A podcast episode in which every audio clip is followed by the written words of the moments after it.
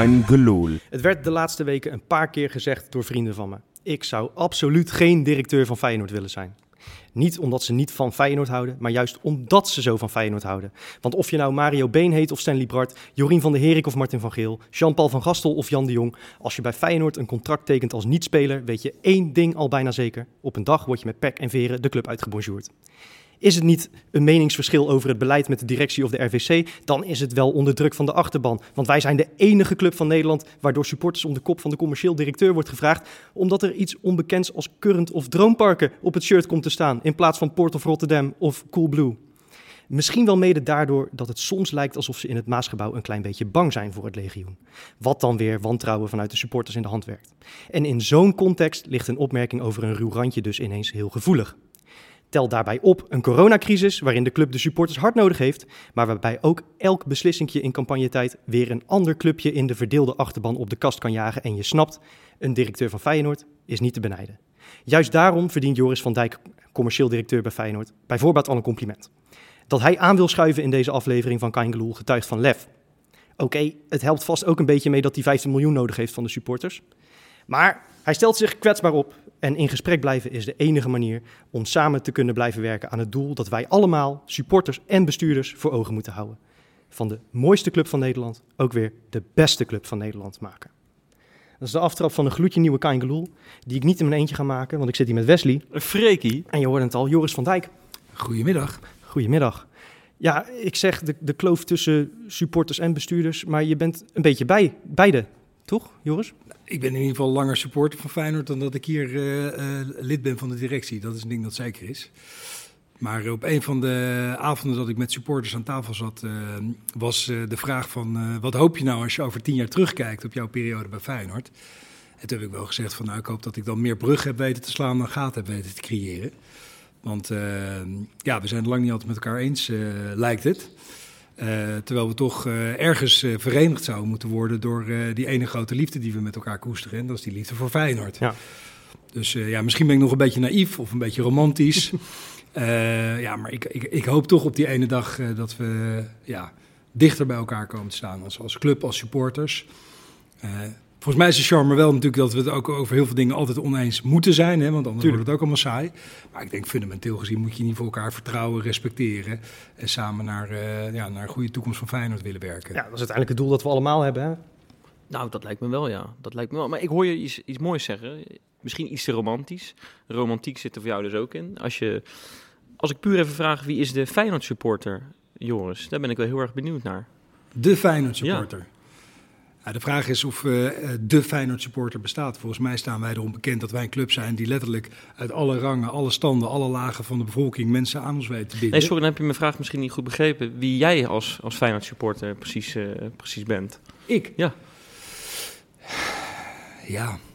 Uh, ja, ik, ik, ik, ben iemand die, als het dan even een tijdje lang tegen zit, gewoon die YouTube van 14 mei 2017 er weer bij pakt. en dan de eerste twee minuten weer gaat zitten kijken. En dan met natte ogen en kippenvel na twee minuten denkt, ja, dat is mijn club. Ja. Dus uh, ja, ik, ik koester gewoon uh, alle mooie herinneringen die ik heb aan deze club. En, uh, en, en, en, en verlang altijd weer naar meer. Dat is eigenlijk een beetje mijn Feyenoord gevoel. En het is, ja, er horen allerlei rituelen bij. Ik bedoel, bij mij is het met de paplepel ingegoten. Dus ik bel elke zondag aan met mijn pa. En dan weet ik, dat wordt echt een heel vermoeiend gesprek. nou, eigenlijk vindt hij alles een beetje ruk. en, dat, en, dan ben ik dus in onze, in onze rolverdeling ben ik dan de positivo. En je zegt, ja, pap, valt toch wel mee. Nee, kom wel goed. Dus, uh, maar dat hoort allemaal bij dat Feyenoord uh, supporterschap. Is, is het een lastige stap van, van supporter naar hier in de directie zitten? Ik bedoel, het is een stap waar, waar veel van ons denk ik wel eens over na hebben gedacht. Niet dat wij ooit in aanmerking zijn gekomen trouwens, maar wat ik zeg, mijn, mijn vrienden zeggen van nou, ik, zou niet, uh, niet directeur van Feyenoord uh, willen zijn, maar dan moet ik er straks professioneel mee omgaan, terwijl het me zoveel doet. Ik kan die afstand niet bewaken. Ja. dat vind ik wel een goede vraag. Ik denk dat ik me dat toch niet zo goed gerealiseerd heb voordat ik de stap zette. Dus uh, toen ik, ik heb hiervoor tien jaar lang een ongelooflijk leuk pretpark mogen leiden. En, uh, Eentje waar ik me heel erg thuis voel met mijn 1,70 meter. Nou ja, ja. Uh, dat is inderdaad een plek waar je dan al vrij snel groot bent, inderdaad. Madurodam, hè, voor de mensen die het nog steeds niet snappen. Ja, en, uh, maar goed, op een gegeven moment na tien jaar nou, echt, echt tijd voor wat nieuws. En ehm, toen heb ik zo'n rondje gemaakt langs allemaal van die bemiddelaars die mensen aan een nieuwe baan helpen. En dan vroegen ze aan het einde van zo'n gesprek van wat is nou een droombaan? En dan zei ik, nou ja, directeur bij Feyenoord. En dat meende ik ook echt. Dus, en ik vind het nog steeds echt heel erg gaaf om hier elke dag naartoe uh, te mogen. Maar ik heb inmiddels ook wel gezien natuurlijk dat het echt wel een, uh, een complexe club is met, uh, met behoorlijk gelaagde uitdagingen, om het maar eens ja, netjes te omschrijven. We gaan straks in het tweede item gaan we ongetwijfeld nog, nog dieper in op de problemen die momenteel spelen. Laten we eerst eventjes kijken naar de week achter ons. Het, het nieuws dat die spandoeken weg moeten voor de bekerfinale, Wesley. Ja, ja dat pijnlijk is, vind ik. Dat voelt een beetje als nou, ik kan me voorstellen, de mensen die er keihard aan hebben gewerkt, dag in, dag uit, en dan niet zomaar een uurtje eventjes, maar gewoon urenlang, om die spandoeken daar neer te leggen. En eh, al dat werk, dat is dan, ja, dat is dan, het is nu schitterend, hè, want het ligt er allemaal en het is uitverkocht. Maar eh, ja, het gaat zo meteen in één keer weg. Dat is toch, dat is toch heel raar. Dat is een beetje een mes in de rug van die, van die, van die mensen die, dat daar, die daar zoveel tijd en moeite in hebben gestoken. En waarom eigenlijk? Waarom, waarom, moet, dat, waarom moet dat weg? Hangt er een doekje overheen? Of weet ik het wat. Maar... Nou, nou begreep ik dat dat heel duur was geweest. Maar eh, ik weet niet hoe jij daarnaar kijkt, uh, Joris. Maar de, de, supporters van Feyenoord hebben wat mij betreft... Uh, als je kijkt naar heel Nederland, naar de hele eredivisie... hebben er alles aan gedaan om deze eredivisie zonder publiek toch nog een beetje sfeer te geven. Dat is ook voor de KNVB fantastische reclame. Volgens mij had de KNVB een heel groot gebaar kunnen maken naar de mensen die hun product een stukje aantrekkelijker hebben gemaakt in deze lastige tijd. Door te zeggen, wij betalen de kosten van het afdekken. 15.000 euro geloof ik. Kom op. Ja, nou ja, goed, ik had het net even met collega Maarten over, uh, want de supporterszaken en de, en de Feyenoord heb je natuurlijk uh, heel dicht bovenop gezeten. Ja, allereerst waanzinnig. We stonden net weer even in het stadion te kijken. En nou ja, ik bedoel, dit is bijna net zo mooi als een gevuld stadion. Al die spandoeken er dus. En, en die jongens die hier aan gewerkt hebben, ja, dat is echt... Ben jij er zelf trouwens ook een van, hè? Ja, nee, ik moet zeggen dat ik heb ook een, uh, een, doekje gespoten. Maar nee, dat mag echt totaal geen naam, naam hebben als je kijkt dat jongens daar gewoon 24 uh, uur, 7 dagen in de week hebben, hebben, hebben gespoten. En die doek hier uh, dan hebben geïnstalleerd. Um, ja, en, en, en het, het, vervelende is in de afspraken rondom het uh, opleveren van een stadion voor een bekerfinale staat dan dat je het stadion schoon moet opleveren.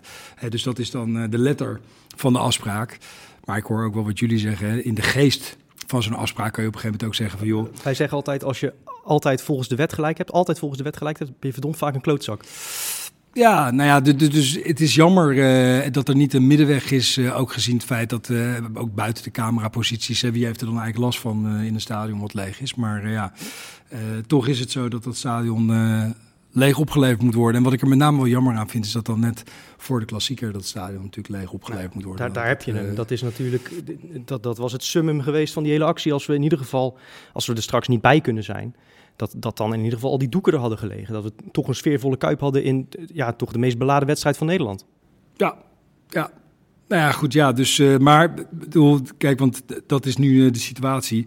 Uh, neemt niet weg dat wat die gasten hebben gepresteerd, dat dat gewoon echt alle waardering en lof en, en complimenten verdient. En ik denk dat er ook nog wel gewoon een soort mooi slotakkoord gaat komen. ja, en verder, het is wat het is.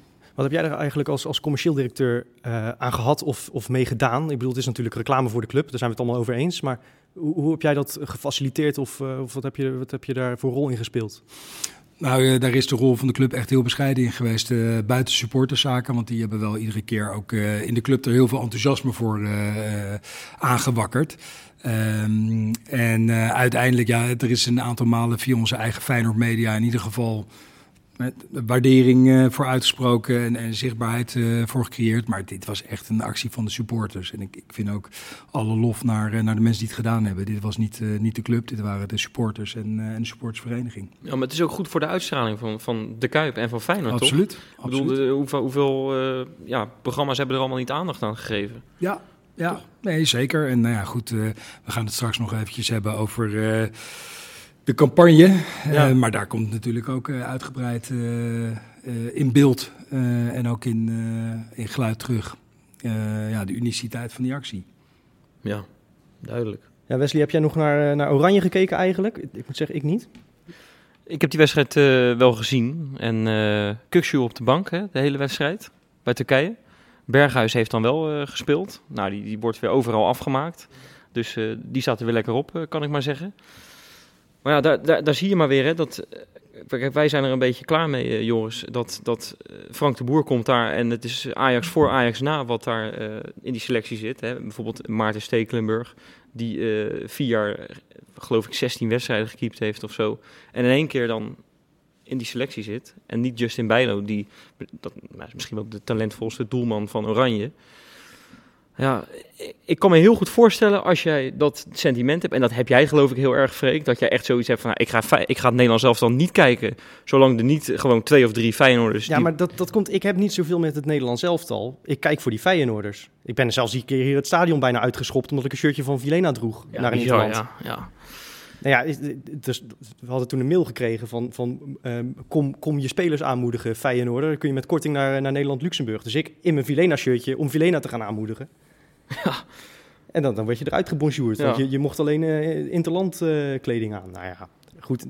Om aan te geven, dat, dat Nederlands elftal, dat boeit me niet zoveel. Kijk voor die Feyenoorders. Dus als er geen Feyenoorders spelen, kijk ik ook niet. Ja, maar wacht even.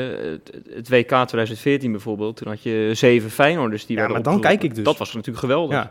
En toen was het allemaal in balans, weet je wel. Nee, maar kijk, ik kijk daar gewoon heel erg opportunistisch als Feyenoorder naar. Ik hoop nu dat het voor Steven Berghuis goed is om even weg te zijn van Dick Advocaat. Dat hij straks weer een beetje met een fris kopje terugkomt.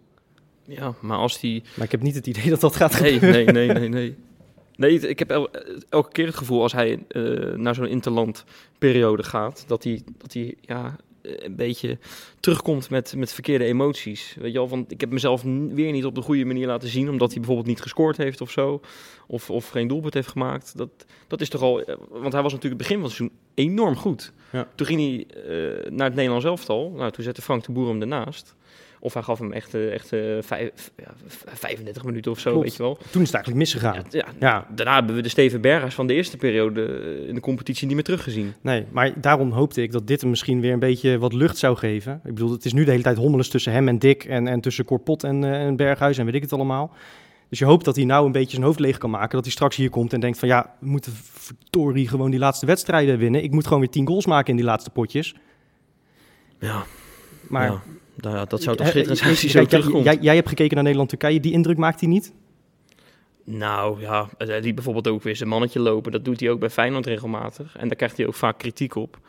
Ja, daar wordt hij dan ook keihard om afgemaakt. Eh, Bijvoorbeeld bij eh, Veronica en Site of zo. Ja, dat, dat, dat is die stempel die hij nu op dit moment eenmaal heeft. Ja. Wel fijn trouwens, Boznik in de basis hè, bij Slowakije. Ja, schitterend. Dat vind ik Ja, daar komt ook nog, ga ik nog, ga ik een beetje teasen. Daar komt nog iets van terug in de, in de Insta Specta. oké. Ik heb sowieso, ik heb dan misschien niet naar Nederlands elftal gekeken, maar wel naar de Feyenoorders op de andere velden.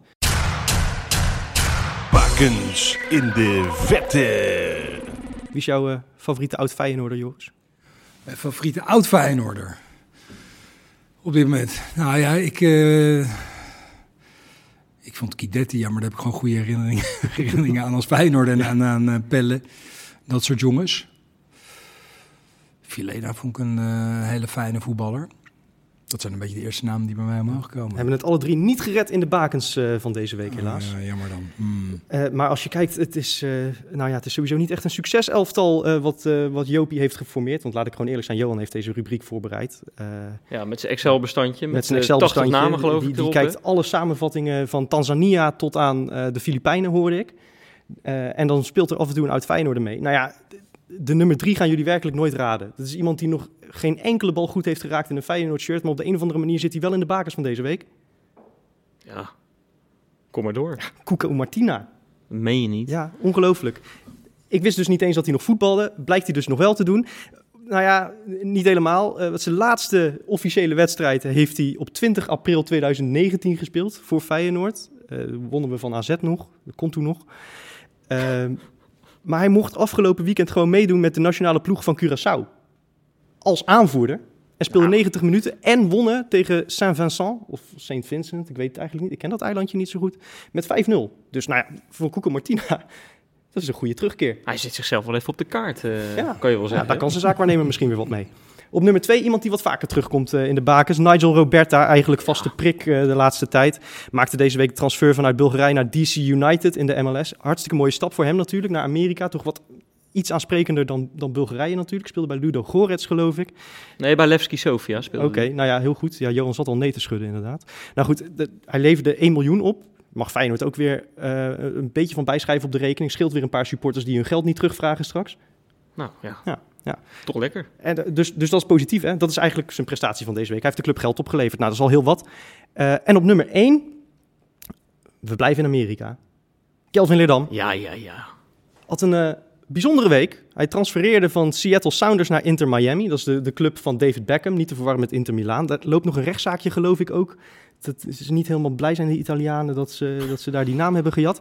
Ehm, hij heeft ook zijn debuut gemaakt voor de nationale ploeg van Suriname. En die wonnen dan weer 3-0 van de Cayman-eilanden. En Leerdam gaf de assist bij de 3-0. Nou, Ja, fantastisch en je weet. Warner Haan, ook een oud Feyenoorder. Die, maar die, heeft nooit, ja, die, die haalt eigenlijk die bakers niet, omdat hij nooit een officiële minuut in Feyenoord 1 heeft gespeeld. Hè? Maar ik wil hem toch even noemen. Dat was de keeper. Ja. Nou, is toch geweldig. Hartstikke mooi. Ja, dan gaan we het hebben over de knikkers. Want laten we wel wezen, dat is de reden dat we hier zitten. Eh, Feyenoord heeft gewoon 15 miljoen van de supporters nodig. Of vraagt het in ieder geval terug. Ehm, en we gaan het hebben over die campagne met, eh, met Joris van Dijk, commercieel directeur eh, bij Feyenoord. Ja, Joris, kun jij eens uitleggen hoe groot het probleem is?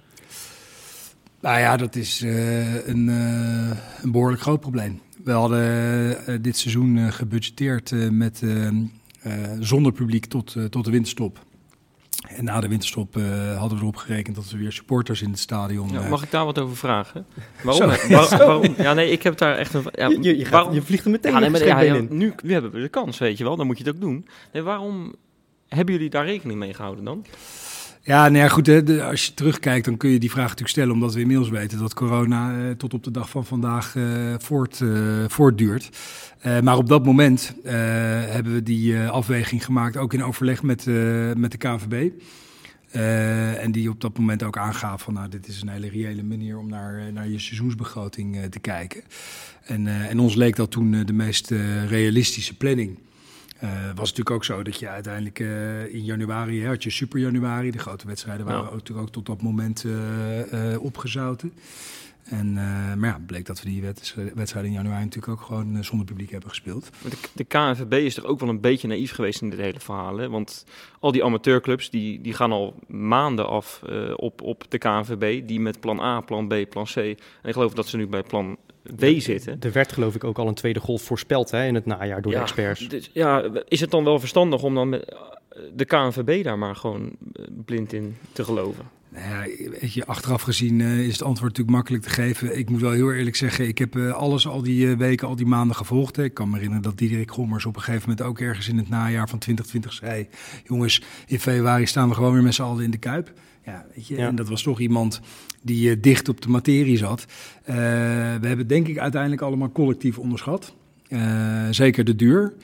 Ehm, nou ja, en, en, en feit is, ehm, we hebben dan na de winterstop eh, eh, 9 ton per wedstrijd die we gewoon tekort komen. Ja. En dat gaat hard. Ja, en, en wat ik me eigenlijk afvraag, want je hoort meer mensen over waarom heb je in godsnaam met, met publiek begroot, maar waar ik eigenlijk benieuwd naar ben, wat had het betekend als je niet met publiek had begroot? Dan had de begroting omlaag gemoeten, toch? Ja. Ja, nee, ik- als je helemaal aan de voorkant eh, dat eh, uit je begroting eh, schrapt aan omzet, dan betekent dat je de kosten ook eh, met dezelfde aantallen naar beneden moet gaan brengen. Ja, en uiteindelijk voor een voetbalclub eh, de grootste eh, begrotingspost aan de kostenkant, dat, eh, dat is je selectie. Dat, dat, dat zijn je Ja. spelers. Dan hadden we zelfs marktdieners niet kunnen kopen, zeg maar. Dan had je aan de voorkant al je maatregelen moeten nemen, klopt. Kijk, eh, nu, nu kunnen we ook beginnen over eh, Lucas Prato. Dat gebeurt ook, eh, die wordt vaak genoemd. Ehm Mark Hoevermans heeft dat al, al een aantal keer uitgelegd. Dat paste in principe allemaal. We hebben daar een gokje mee genomen. Maar jij weet als commercieel man natuurlijk als geen ander. Feiten tellen soms iets minder dan beeldvorming. En voor de beeldvorming is het niet heel lekker dat er een, een redelijk dure Argentijn op de bank zit die er niks van bakt. Misschien wel de slechtste spits sinds eh, John van Beukering. Heb je een beetje gevloekt? Nou ja, volgens mij heeft Mark dat ook al in interviews aangegeven. Hè? Want we kunnen eh, nu eh, met eh, ja, to- toch wel redelijke overtuiging eh, stellen dat er nog geen doelpunt in is gevlogen Ja. van de voet van. eh, Kunnen we met redelijk aan, aan- aan zekerheid grenzende waarschijnlijkheid kunnen we in dat zijn, in zijn ja. verdediging heeft wel een beetje pech gehad. Hè? Sparta, weet je wel, op die bal op de paal was hij Ja. dichtbij natuurlijk. Hè? Ja, nee, maar en, en, en daar baalt iedereen natuurlijk van. Hè. Allereerst voor, voor hemzelf. Ik bedoel, want uiteindelijk zit ik hier ook nog als een collega van Ja. Lucas Prato. Nou, dat is natuurlijk waardeloos. Die man die komt uit Argentinië, ook met de beste intenties. En we hopen natuurlijk allemaal dat dat een succes wordt. Ehm, dus ja, binnensmonds vloeken, eh, zeker. Eh, we hadden het allemaal eh, uiteraard liever anders gezien. Ehm, maar wat Mark ook al eerder heeft geschetst, hè, de situatie op dat moment was dat onze spitsen geblesseerd waren. Maar ja, dat is de feitelijke uitleg. Maar mijn vraag is wat, wat dat voor de beeldvorming betekent als je daarna een campagne moet gaan starten richting supporters. Helpt niet. Nee, Nee. nee nou ja, duidelijk. Ja. duidelijk. Ja, en datzelfde geldt natuurlijk ook een beetje voor het loonoffer. Ja. Dat, eh, dat, dat niet echt heel erg van de grond kwam, waar een beetje discussie over ontstond. Nou horen we in de media dat er een eh, geldschieter 50 miljoen biedt om Feyenoord uit de brand te helpen. Daar wordt ook nee tegen gezegd. En ik snap allemaal, we hebben allemaal het artikel gelezen met Aad van Herk. Daar zitten allemaal belangetjes bij. En ik snap heel goed dat Feyenoord aan sommige van die belangetjes zegt van... nou, daar voldoen we niet aan, Ja. maar het helpt niet. Nee, daarom en beeldvorming eh, is, is gewoon heel belangrijk. Dus dat, dat realiseren we ons ook allemaal. Even terug naar die looninhoudingen. Eh, de hele organisatie heeft daar eh het eerste seizoenshelft eh aan bijgedragen, inclusief eh, de selectie. En ook nu na eh, de winterstop eh, is het uiteindelijk eh, letterlijk de hele organisatie, inclusief de selectie, die daaraan bijdraagt. Maar goed, dat heeft wel eh, ook eh, wat... Ja, wij eh, horen verhalen over dat de spelers rechtszaken eh, voor, voor aan het bereiden zijn. Ja, daar heb ik niks van gezien, eh, ook niet over gehoord. Eh, en vooralsnog is daar ook geen sprake van. Eh, maar feit is dat er eh, door deze hele organisatie letterlijk eh 20, 25 procent eh, iedere maand eh, wordt, eh, wordt afgedragen, wordt ingehouden door de club. Eh, om de club maar gewoon financieel eh, op koers te houden. Maar, eh, maar het gaat allemaal niet vanzelf, dat is duidelijk. En zo'n bericht als vandaag, waar je net aan refereert, is, is voor mijn tijd geweest. Ik denk altijd maar zo. Ik hoop dat iedere Feyenoorder en ook iedere niet-Feyenoorder die dat hoort... eh, zich ook realiseert dat eh, de dag dat hier iemand binnenkomt wandelen... en zegt Feyenoord jongens, ik hou zoveel van die club. Hier heb je 50 miljoen en doe, doe wat goed is voor de club. Ja, die, eh, die sturen we natuurlijk gewoon niet naar huis. Dat mag duidelijk zijn. Maar dus die verhalen van 130 miljoen van investeerders die deze zomer op de stoep staan... die kunnen we ook niet serieus nemen dan. Nou, met, met, met een investeerder eh, zijn we wel degelijk heel serieus bezig. En dat is nog steeds wel het doel. Om inderdaad alle ambities die Feyenoord heeft te versnellen. Door er een kapitaalinjectie eh, voor binnen te halen. Maar als je nu om 15 miljoen van de supporters vraagt... dan kunnen we niet op korte termijn 130 miljoen van de investeerders verwachten. Want dat zou dan een beetje gek zijn natuurlijk. Ik weet niet hoe, eh, die, eh, eh, hoe dat investeerderstraject zich uiteindelijk in de tijd gaat ontwikkelen. Kijk, feit is dat we nu, en dat is de actualiteit van vandaag, in een situatie terecht zijn gekomen waarbij we zeggen van ja, het einde van het seizoen hebben supporters het recht om, hun, om hun ingelegde bedrag voor een seizoenkaart en de zakelijke relaties voor hun zakelijke stoelen, om dat van ons terug te vragen.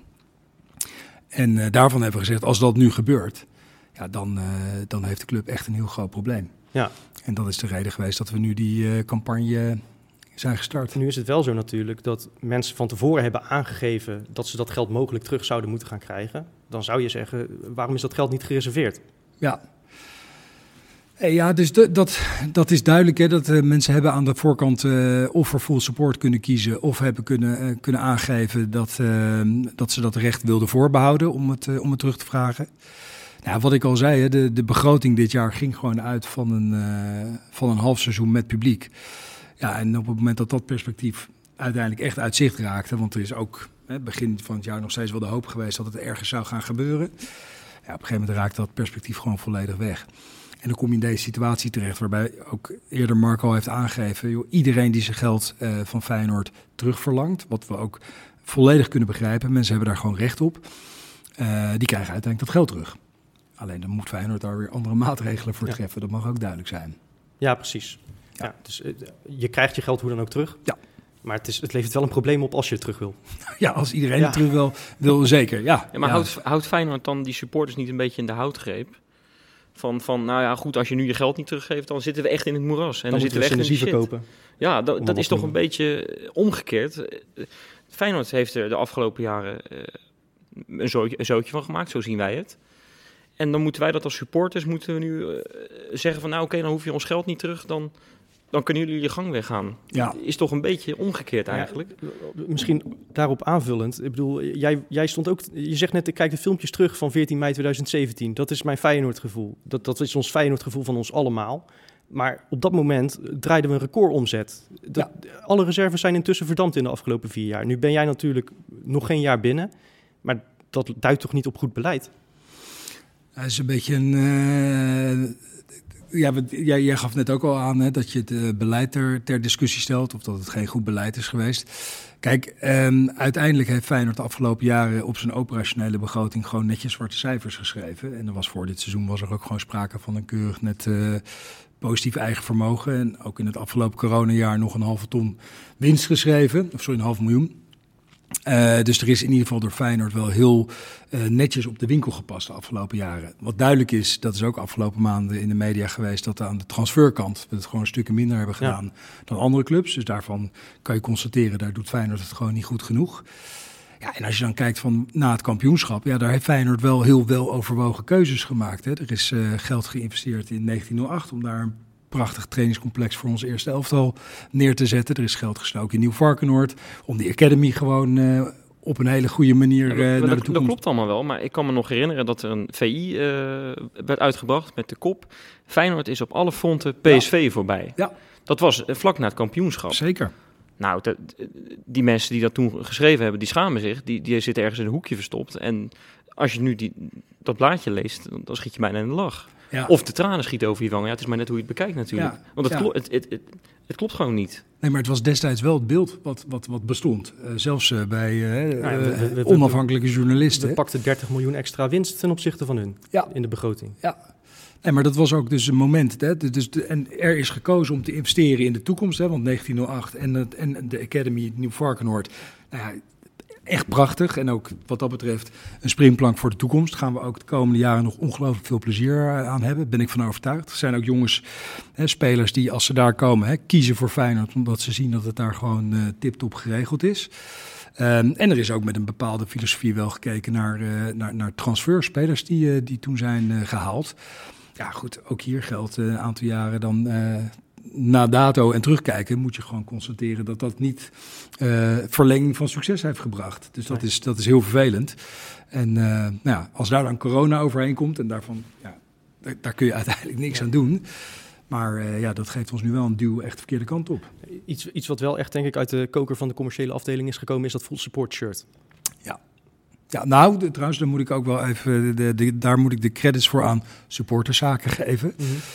Omdat eh, die uiteindelijk eh, al heel snel kwamen met eh, het idee van je, moet uiteindelijk die supporters sowieso een blijk van waardering geven. Ook met terugwerkende krachten, mensen die al helemaal aan het begin ehm, voor full support hebben gekozen. En, en die kwamen ook met het idee voor een shirt. En we hadden wel een beetje de mazzel dat we ehm, voor dit seizoen voor een derde shirt ook hadden gekozen. Dus er is naast het full support shirt is er straks ook nog een uitshirt van, eh, van Feyenoord. Dus het full support shirt wordt het derde shirt. Nou, ik heb niet zozeer nu eh, voor ogen wat het tweede of het derde wordt. Want er wordt gewoon in het full support shirt straks ook gevoetbald. Eh, maar er is ook nog eh, dus een, een derde shirt. Nou, maar het is wel met dat shirt. eh, De Feyenoord supporter klaagt, en dan zeg ik echt klaagt in kapitaalletters, al jaren over een groen uitshirt. Ja, ik heb het gelezen. Echt, maar dan niet, en niet een klein beetje ook niet. En dan komt er eindelijk een, een, een groen uitshirt. Ja, je zal maar geen seizoenkaart hebben nu. Ik kan je het pinkte niet een, kopen. ik pinkte een traantje, traantje weg inderdaad. Ik dacht, eindelijk, wat een gaaf shirt. Wat een gaaf uitshirt. Maar dan komt hij niet in de winkel te hangen. Terwijl de uitshirts bij Feyenoord, die vliegen de fanshop uit. Ik weet nog het oranje-blauwe, daar werd een record mee gebroken. Met dat, met dat eh, wat daarna kwam, werd, eh, dat was volgens mij nog, werd nog beter verkocht. Dus Ja, maar dat is zeggen, dan- is commercieel ja, niet echt heel handig. Nee, dat lijkt me ook niet, nee. Nou ja, kijk, voor ons was nu het eerste doel om te zorgen dat eh, dit shirt, eh, dat dat in ieder geval in goede aarde zou vallen bij de supporters eh, die dat van ons aan cadeau krijgen.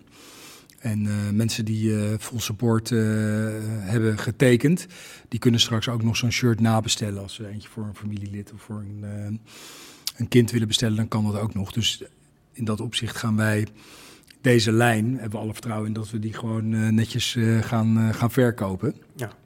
Het is in ieder geval niet zo trouwens, want je, je zegt we hadden het geluk dat we hebben gekozen voor een derde shirt. Dus het is niet dat er is geïnvesteerd om een shirt te ontwerpen om de supporters te overtuigen.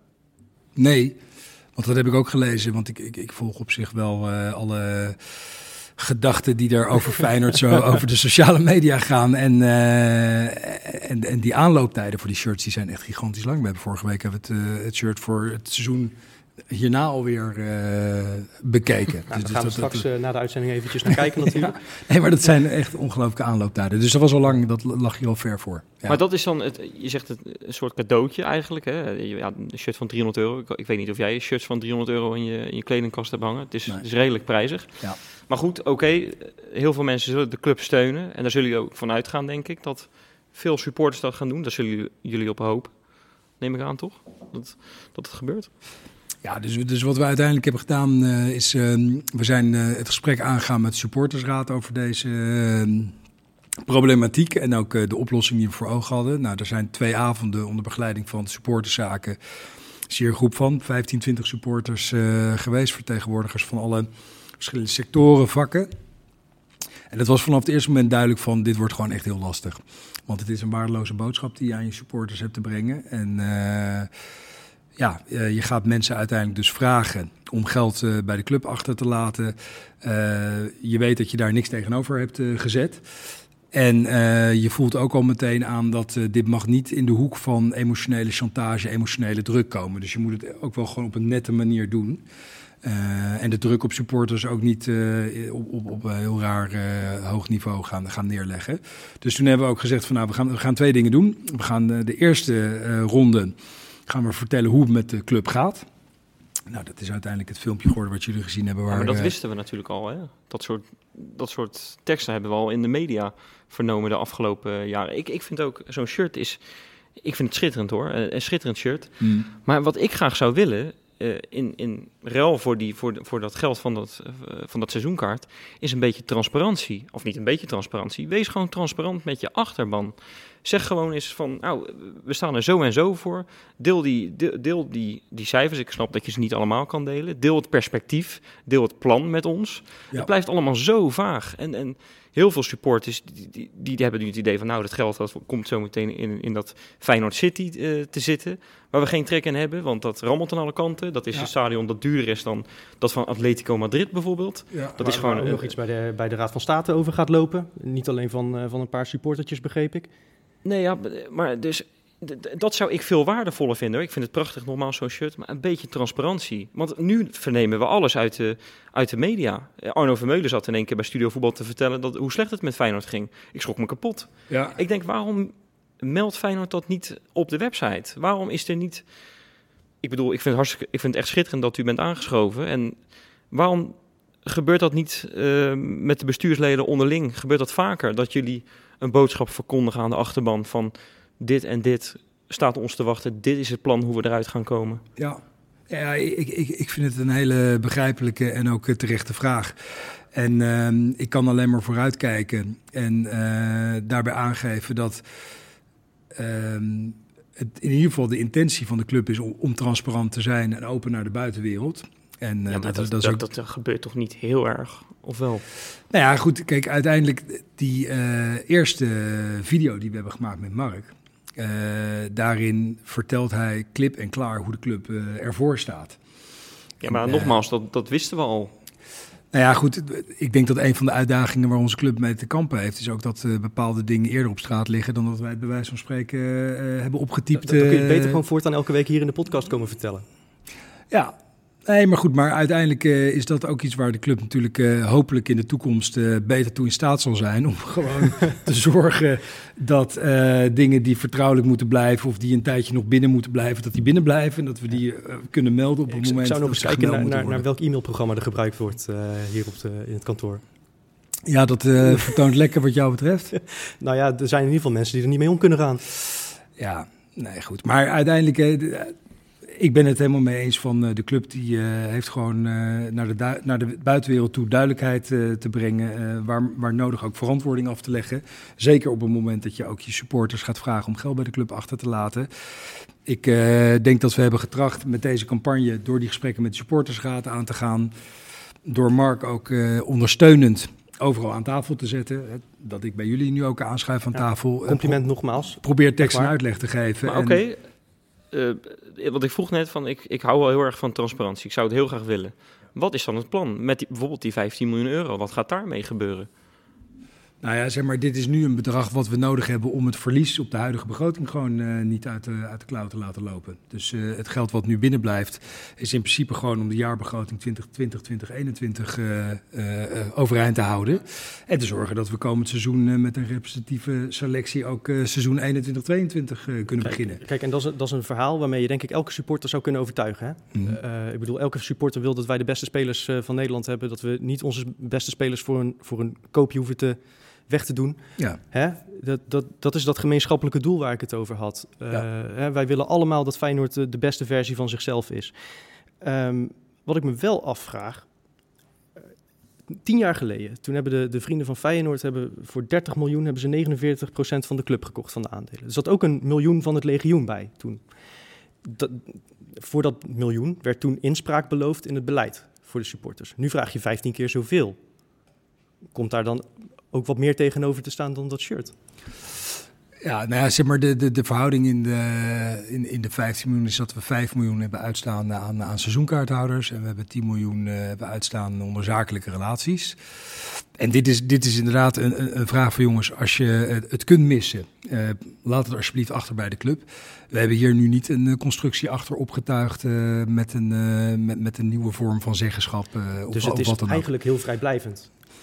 Het, het, het, is vrijwillig en vrijblijvend, absoluut. Ja. absoluut. Ja. Ja. En het is ook een noodsituatie in een, ook wat ons betreft, tijdelijke situatie. Wij uh, geloven er absoluut in dat de tijd na corona langer gaat zijn dan de tijd die ons uh, door corona wordt, uh, wordt afgesnoept nu. Ja. Zou de KNVB niet volgen trouwens als ze weer met een met een plan komen van in januari gaan we met volle stadion ik zou, voetballen. Ik zou voortaan even contact leggen met Hugo de Jonge. Schijnt ook een Feyenoord te zijn. Ja, zeker. Gewoon even wat eerder de seizoenkaarthouders voorrang geven op een vaccinatie of zo. Nou ja, goed, maar laten we wel wezen. Als uh, wij uh, strakjes uh, de nieuwe seizoenkaartcampagne gaan starten...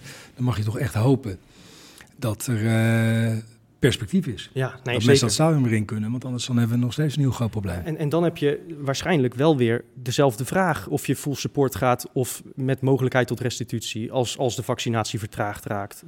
En nu is het wel zo, je zegt nu, en ik denk terecht, dat dat shirt dat was er ook met terugwerkende kracht voor de mensen die al full support hadden gedaan. Maar de mensen die full support hadden, die hebben wel een jaar lang moeten wachten op dat gebaar. Die zeggen nu van ja, ik heb een jaar lang niks van de club gehoord. Ja, ja. Ja, hier heb ik wel ook uh, intern vragen over gesteld van uh, hoe, hoe hebben we nou vanaf het begin af aan gekeken naar, naar supporters die ja, daar wat mij betreft echt fantastisch gebaar hebben gemaakt. En daar is wel overleg ook over geweest. En het was vanaf het begin af aan duidelijk van, ga nou niet daar een tweedeling in maken. Dat die mensen nou ja, extra aandacht krijgen of ook vooral niet een, een cadeautje gaan sturen. Want dat werd ook door mensen wel, ja begrepen als van, joh, eh, hou het nou. Ik heb het, ik heb het bij die club gelaten omdat jullie het hard nodig hebben. Ga er nou geen uh, gekke dingen van, uh, van opsturen. Zo is er wel heel bewust voor gekozen om daar heel terughoudend in te zijn. En dan nu uiteindelijk wel dat, wel dat gebaar te maken. Um, en kijken naar volgend seizoen van, ja, ik, ik hoop het nog steeds. Maar ja, goed, hè, wat is hoop? Dat wij de verlengingscampagne voor de seizoenkaart straks, dat we gewoon echt een plek in het stadion kunnen bieden. Want als je weer met deze onzekerheid moet gaan verkopen, ja dat, dat, wordt een, uh, dat wordt een uitdaging. Ja, dat, dat, wordt dan de derde keer dat je mensen om een gebaar moet gaan vragen. Dat, dat lijkt me voor niemand leuk die een bedrijf runt. Nee, nee. nee, nee daar kijk ik niet naar uit. Nou ja, en daar ben ik wel benieuwd naar jouw rol als commercieel directeur. Wat is dan de keuze? Ik weet niet in hoeverre jij daar uh, zeggenschap over hebt om Mark Koevermans naar voren te schuiven in dat filmpje bijvoorbeeld, die bij een groot deel van het legioen toch niet heel populair is. Ik bedoel, ik denk als je Jens Toornstra, die, die had op meer applaus kunnen rekenen misschien. Nou ja, kijk, wat ik, wat ik al zei was dat we hebben mm, uiteindelijk in, uh, in twee avonden met de supportersraad alle ideeën uh, doorgenomen, ook overal een reactie op gevraagd. Gaan we trouwens ook doen met, met de verlengingscampagne straks met de seizoenskaarten. Dat waren overigens echt hele goede avonden, waarbij uh, nou, iedereen gewoon heel constructief heeft meegedacht. Ook geen blad voor de mond heeft genomen, dus dat was ook goed. Ehm, en, en aan het begin uh, uh, van, van, van die gesprekken over uh, dat filmpje was het al direct duidelijk dat daar een dilemma lag. Want men heeft ons wel gewaarschuwd van dat nou Mark bij bepaalde supportersgroepen dan minder goed zou liggen. En tegelijkertijd was er ook een hele brede overtuiging van ja, maar dit is wel een boodschap van de club Feyenoord. Ja. En de algemeen directeur van Feyenoord is degene die deze boodschap moet brengen. En ik moet ook heel eerlijk zeggen dat...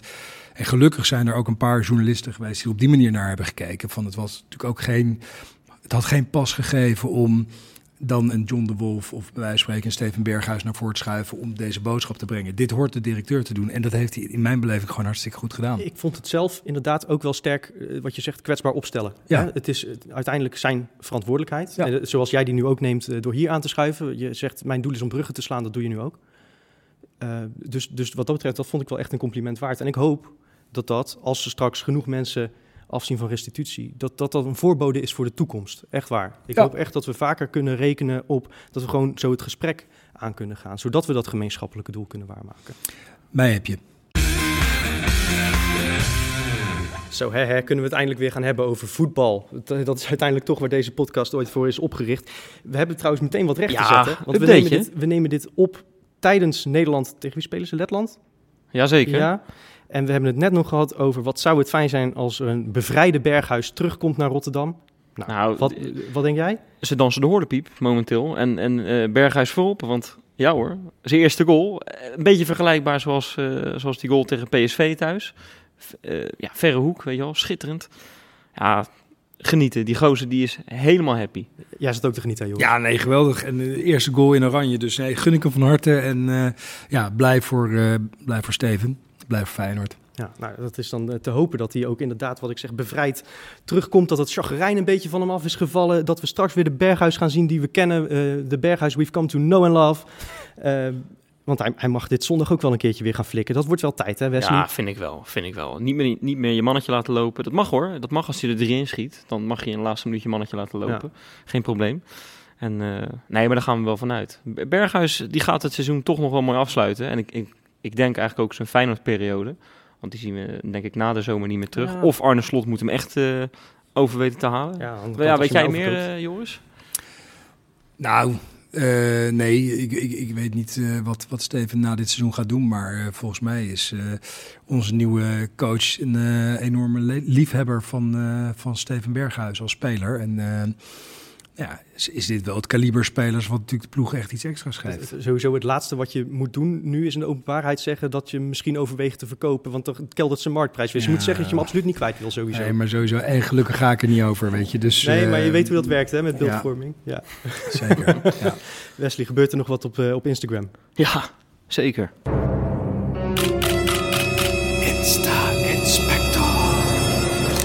Nou, ja, we hebben het net even over die Arne Slot, hè? Maar die is gespot deze week.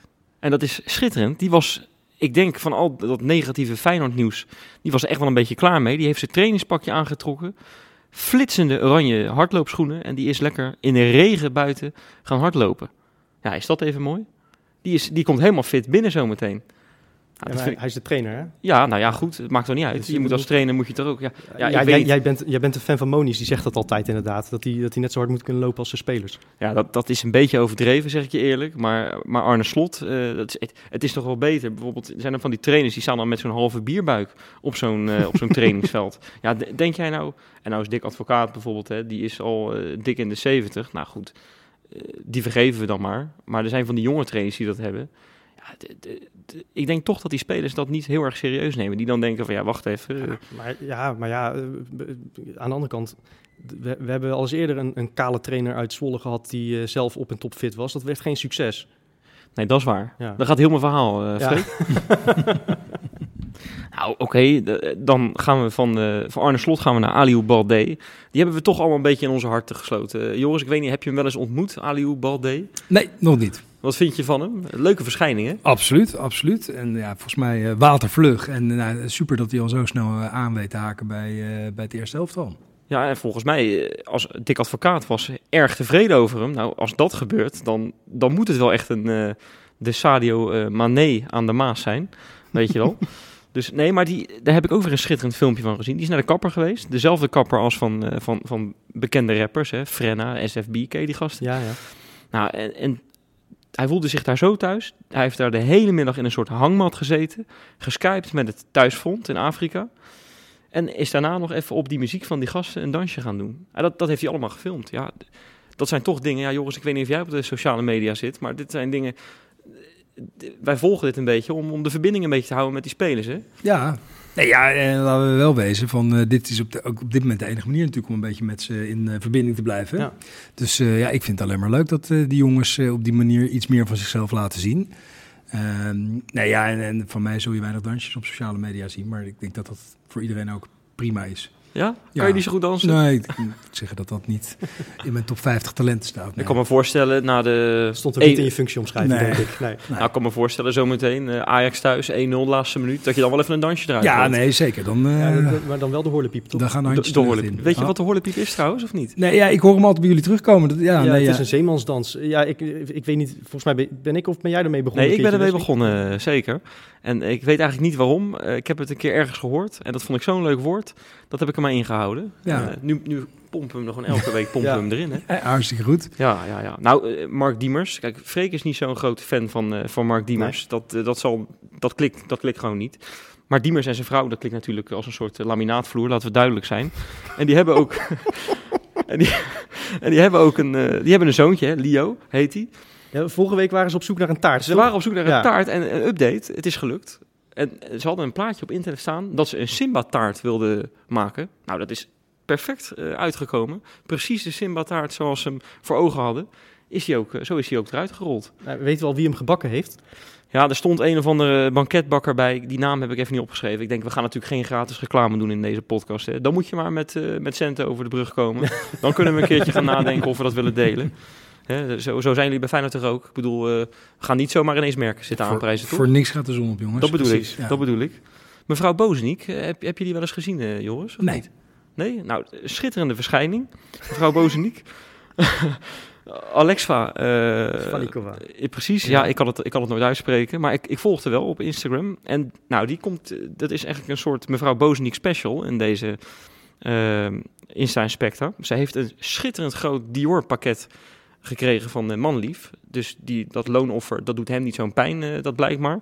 Schitterend mooie Dior pakket. Nou, eh, Robert Bozeniek was natuurlijk ook aan het voetballen deze week hè, in het landje voor Slowakije. Zeker. Nou, dat eh, vond, eh, ik, ik zeg gewoon weer mevrouw Bozeniek, omdat ik die voornaam niet kan uitspreken. Met een glas champagne heeft ze daar voor die tv heeft ze een fotootje gemaakt. Zo blij was ze, want ja, Bozeniek heeft natuurlijk bij Feyenoord heel weinig speelminuten gemaakt eh, tot nog toe. Vinden we, vindt het Freek trouwens Ja, vooral heel erg jammer. Ja, nee, ik ben, ik ben groot fan van Bozeniek, maar dat, dat kan ik elke week blijven zeggen. Maar dat weet de luisteraar intussen misschien Ja, wel. precies. Maar, we, Maar goed, we weten, we weten via. Cuco Martina dus dat je niet eens een club hoeft te hebben om, om interlands te spelen. Dus wat dat betreft zegt het misschien ook niet zo heel veel dat hij basisspeler is bij Slowakije. Nou ja, eh, die, gaan toch wel naar het EK trouwens, Slowakije. Ja? Ja, dat is mooi dan. Ja, nou, dat dacht ik ook. Ja, zeker. Precies. En, en ook leuk nieuws, het hondje wat ze hebben, is een, hebben ze een jaartje nu eh, in huis. Is Nou. dat even leuk? Gefeliciteerd, Robert. Ja. Ja. En eh, de Insta Specta is niet compleet zonder een update over Robin van Persie. Ik weet dat Johan, en die zit er gelukkig niet bij, die, die kan het niet meer uitstaan, al die updates. Maar hij is gaan hardlopen deze week over de Erasmusbrug langs de Kuip. Ik weet niet of je hem nog gezien hebt uh, Nee, toevallig. nee, ik heb het gemist. Nou, eh, dat ging met een tempo, met een bloedvaart, dat houden wij niet bij, Freek. Zelfs niet op de fiets. Sneller dan Prato waarschijnlijk. Grote kans, grote kans. En hij is weer gaan padeltennissen, want het mag weer, schijnbaar. Wist ik ook niet. En dat had hij heel erg gemist. Hij ziet er nog jonger uit dan 27, hè? dat is niet te geloven. Heb je dat nooit overwogen om hem, eh, ja goed, je gaat er niet over, om, maar om, eh, om eens intern te zeggen, nou haal die jongen toch maar een jaartje weer terug met die, eh, al, die, eh, al die spitse problemen. Want Van Persie. wat een liefhebber, hè? Oei, oei, oei. Ja. Ja, nee, ja, eh, fluwele balbehandeling, eh, fantastische voetballer. Ja. Maar ja, goed, ook iemand die eh, heerlijk autonoom natuurlijk gewoon zijn eigen pad kiest. En eh, ja, op een gegeven moment gewoon heeft gezegd, eh, het is mooi geweest. Ja, maar dat pad, dat gaat hem wel weer eh, terug naar Varkenoord brengen, toch? Als we het allemaal zo een beetje goed horen. Nou ja, sowieso komt hij er kijken naar zijn zoontje natuurlijk. Precies, dat Ja. doet hij regelmatig. Maar ja, hij moet toch gewoon jeugdtrainer eh, bij Feyenoord worden. Nou ja, kijk, als je op wat voor manier dan ook zo'n fantastische speler, zo'n Feyenoord-icoon aan je jeugdopleiding kan eh, koppelen, dan denk ik alleen maar dat ieder, ieder jochie, eh, alleen om die reden wil je natuurlijk al gewoon eh, bij Feyenoord komen voetballen als je, als je met zo'n eh, met zo'n man eh, tijd kan doorbrengen. Dus ik, ik denk dat dat voor Feyenoord fantastisch zou zijn. Ja, en, en hij is denk ik op social media groter dan, dan alle accounts van Feyenoord bij elkaar. Dat denk ik ook, ja. Had jij dat nog uitgezocht? Nou, nee, maar Feyenoord heeft echt... Dat, dat, is- dat vind ik zo apart. Feyenoord, ik heb altijd het idee dat Feyenoord een grotere club is dan PSV bijvoorbeeld. Maar F- Feyenoord heeft minder volgers op Instagram dan, dan PSV. En nou, over Ajax hoeven we niet eens te beginnen. Ja. Want die zijn geloof ik eh, 121 keer zo groot. Hoe kan dat nou toch? Wa- waarom, eh, waarom kunnen jullie die, die, die Nou ja, slag en- niet slaan? En is het überhaupt een doel? Nou, volgens mij eh, alle digitale kanalen bij elkaar opgeteld hebben we nu zo'n 2,2 miljoen bereik. En daarmee hebben we in ieder geval ehm, in Nederland en na Ajax het grootste bereik. Wat ik heb begrepen van PSV is dat de eh, samenstelling van hun volgersbase ook voor een belangrijk gedeelte in, eh, in Zuid-Amerika, in Mexico zich bevindt. Nog, Ja. eh, Maar Ajax ook, denk ik. Want die hebben daar ook op ingezet. Ajax heeft na de Europa League finale hebben die een enorme groei gezien. En daar natuurlijk halve finale Champions League is het alleen maar meer geworden. Dus we weten wel dat dat internationale succes een enorme aanjager is van die aantallen. Eh, maar bij, PV bij PSV hebben ze ook wel heel eh, specifiek, bijvoorbeeld toen met Lozano en ze hadden nog een speler uit, eh, uit Mexico. Gutierrez. Ja, hebben ze toen op die markten gezeten. En ik geloof dat een heel groot gedeelte ook uit, uit Mexico komt. Nou, Feyenoord heeft het ook gehad met Shinji Ono natuurlijk, hè, Ja. begin deze eeuw. Ja. Ja. Ja. Dat, dat leverde Feyenoord ook heel veel centjes op. Jij zat Ja. er natuurlijk nog niet, maar dat zal je ook gehoord hebben. Misschien. Ja, ja Zuid-Korea. Ja. Nee, maar er zijn absoluut hele interessante landen, eh, ook, ook voor de toekomst voor Feyenoord, om eh, nou ja, spelers eh, uit die, uit die contrij aan ons te binden. En dan, dan liggen er ook absoluut commerciële Ja, mogelijkheden. maar als je bijvoorbeeld ziet hoe ver Ajax zijn gaat, zo'n Des bijvoorbeeld, die kan voor Nederland of, of Amerika, kiezen. Ja. En ik, ik, volgens mij heeft Ajax hem gewoon vol lopen pushen. Doe nou Amerika, want dan kunnen we je daar Nou ja, ze hadden toch ook advertenties in, Ja. Times Square en zo. Nou, moet je nagaan. Ja. Dus zover gaan, gaan zij. Eh, Zover is Feyenoord nog niet, hè? Nee, als je kijkt, eh, Ajax heeft eh, heel knap gebruik gemaakt van, van, van het succes wat ze op een gegeven moment internationaal hebben, hebben geboekt. En eh, ja, daar hebben ze gewoon wel echt het gaspedaal op ingedrukt. En, en, en dat loont ook. Eh, bij Feyenoord zijn we wel eh, alle voorbereidingen aan het treffen om eh, ook internationaal eh, het merk eh, te laten stralen. Welke landen moeten we dan aan denken? Nou, als je naar de KVB luistert, dan eh, geven die aan dat... eh, Zou ik dus niet doen, hè? Nee, ik-. Kijk, op het moment dat ik begin, deze zin begin, denk ik al van ja, wat een, wat een slecht begin. Maar goed. Ehm, maar die geven aan, maar die onderzoeken dat soort dingen. En dat, eh, dat er is voor het Nederlandse voetbal in, in, in de Verenigde Staten. Ja, en ook in Indonesië is daar eh, potentieel. Nou, Indonesië is ook een land waar 200 miljoen mensen. Ja, dan ken, ken ik één, één Feyenoorder die voor Indonesië Interlands heeft gespeeld. Dat is John van Beukering. ja, daar hadden we het al even over, ja. Ja. ja, ja. Maar goed, Ja, oh, Jordi Weerman hoor ik net eh, in mijn oor gefluisterd. Kan ook nog eh, voor Indonesië kiezen. Maar die is natuurlijk goed genoeg voor Oranje, laten we wel weten. Nou, die is in ieder geval eh, aan een stormachtige ontwikkeling bezig. Ja. Maar goed, in ieder geval, maar dat zijn landen waarvan de KVB aangeeft dat er potentieel ligt voor het Nederlandse voetbal. Ja, en verder, hè, je, je, je hebt goede markten in Azië natuurlijk. markten waar vo- voetbal al populair is of populair wordt.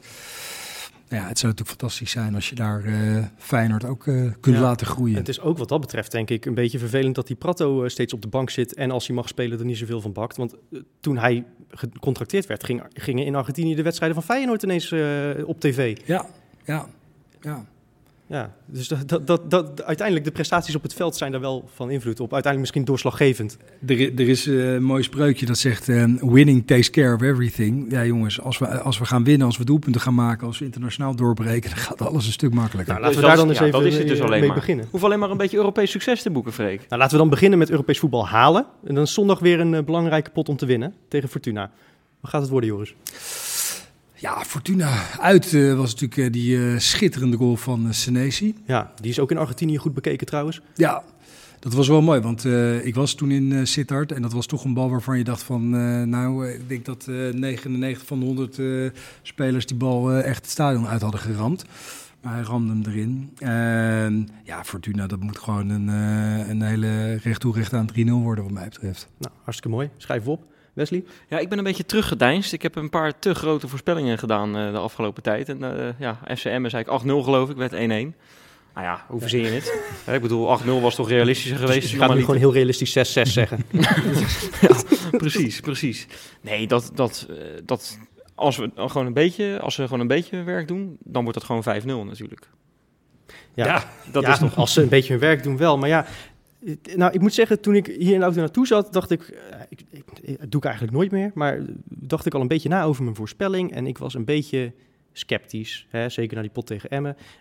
Maar laat maar, Berghuis is bevrijd, die gaat er gewoon drie maken en invaller Balde prikt zijn eerste mee. Oh, leuk. Ja, schitterend. 4-0. Geweldig, geweldig. Dat dus bespreken we gewoon eventjes vanuit de boardroom trouwens, hè, in de Kuip, want dat hebben we nog helemaal niet verteld waar we zitten. Nee. Nee. Inderdaad. Wat vind je eigenlijk van de omgeving, uh, Freek? Nou, het ziet er mooi uit. Ja. Ja. Zie jij ooit jouw, eh, jouw foto ook ergens hier hangen? Nou, ik zei het in mijn aftrap al. Ik, ik vind een directeur van Feyenoord niet te benijden. Maar ik moet zeggen, hij heeft het eh, verdomd goed gedaan, deze podcast. Dus daarvoor bedankt nogmaals. En eh, nee, ik denk niet dat ik, eh, dat ik ooit op die muur kom te hangen. Maar, ehm, nou ja, wie weet, als ze me ooit een aanbod doen... of ik, eh, dan ook mijn knietjes week worden. Ik blijf toch de club waar we van houden tenslotte. Daarom ja. Ja. Hebben we nog patronen eigenlijk? Eh, nee, hebben we niet. Nou ja, Victorie. Dan Ja. moeten we maar gewoon eh, op de drie punten gaan mikken zondag. Joris, ontzettend bedankt dat je hier eh, wilde zitten. Dank voor de uitnodiging. Ik vond het leuk. Nou, tot de volgende keer dan maar. Ik eh, kom graag weer bij jullie langs. Top. En jullie zijn ook altijd welkom hier. Hoe vonden jullie het om weer eens in de Kuip te zijn? Want dat is Nou, ook een tijdje Het geleden is dat je het zegt. Nou, het is goed dat je het zegt, want het is natuurlijk zondag ook het afscheid van die spandoeken. De laatste keer dat ze er liggen. En het is nog de eerste keer dat ik ze in het echt heb kunnen zien. En het, ik kreeg gewoon weer even kippenvel Ja? om, om weer op de tribune te mogen. Wat, wat mogen zei jij nou net? Dat, dat vond ik ook zo goed. Jij zei dat het stadion dat het nog steeds geluid maakt of Ja, zo. het, het, voelt, het voelt niet stil in de Kuip Ja, dat door die vond ik- spandoeken. Dat Het- vond ik zo hij erg schreeuwt je toe. sentimenteel gelul. Ik zeg, ja, het enige wat ik hoor is een meeuw op de achtergrond. Ja, maar jij bent ook koning Kilde beeldspraak. eh. Misschien wel, ja. ja. Misschien wel. Heb je onze spandoek al gezien trouwens? Ja, zeker. Ja, die is lag niet te er- missen natuurlijk. Nee, ik wou net zeggen, die lag er vrij vroeg. En die is ook vrij groot inderdaad. En ja. elk interview ook bij ESPN in beeld, hè? Ja, leuk. Ja. Precies. Ja, is, Dus, eh, eh, ja, met, dank aan onze patronen, die dus eh, deze week helaas geen nieuwe hebben, hebben weten te scoren. Maar hey, als je dus patroon wordt, dan kan het zomaar zijn dat, eh, dat je ooit in de kuip komt te liggen. Ja. Ja. Briljant. Briljant, inderdaad. Ja. betere reclame kunnen we ons niet wensen. En nou gaan we echt afronden. Tot volgende week.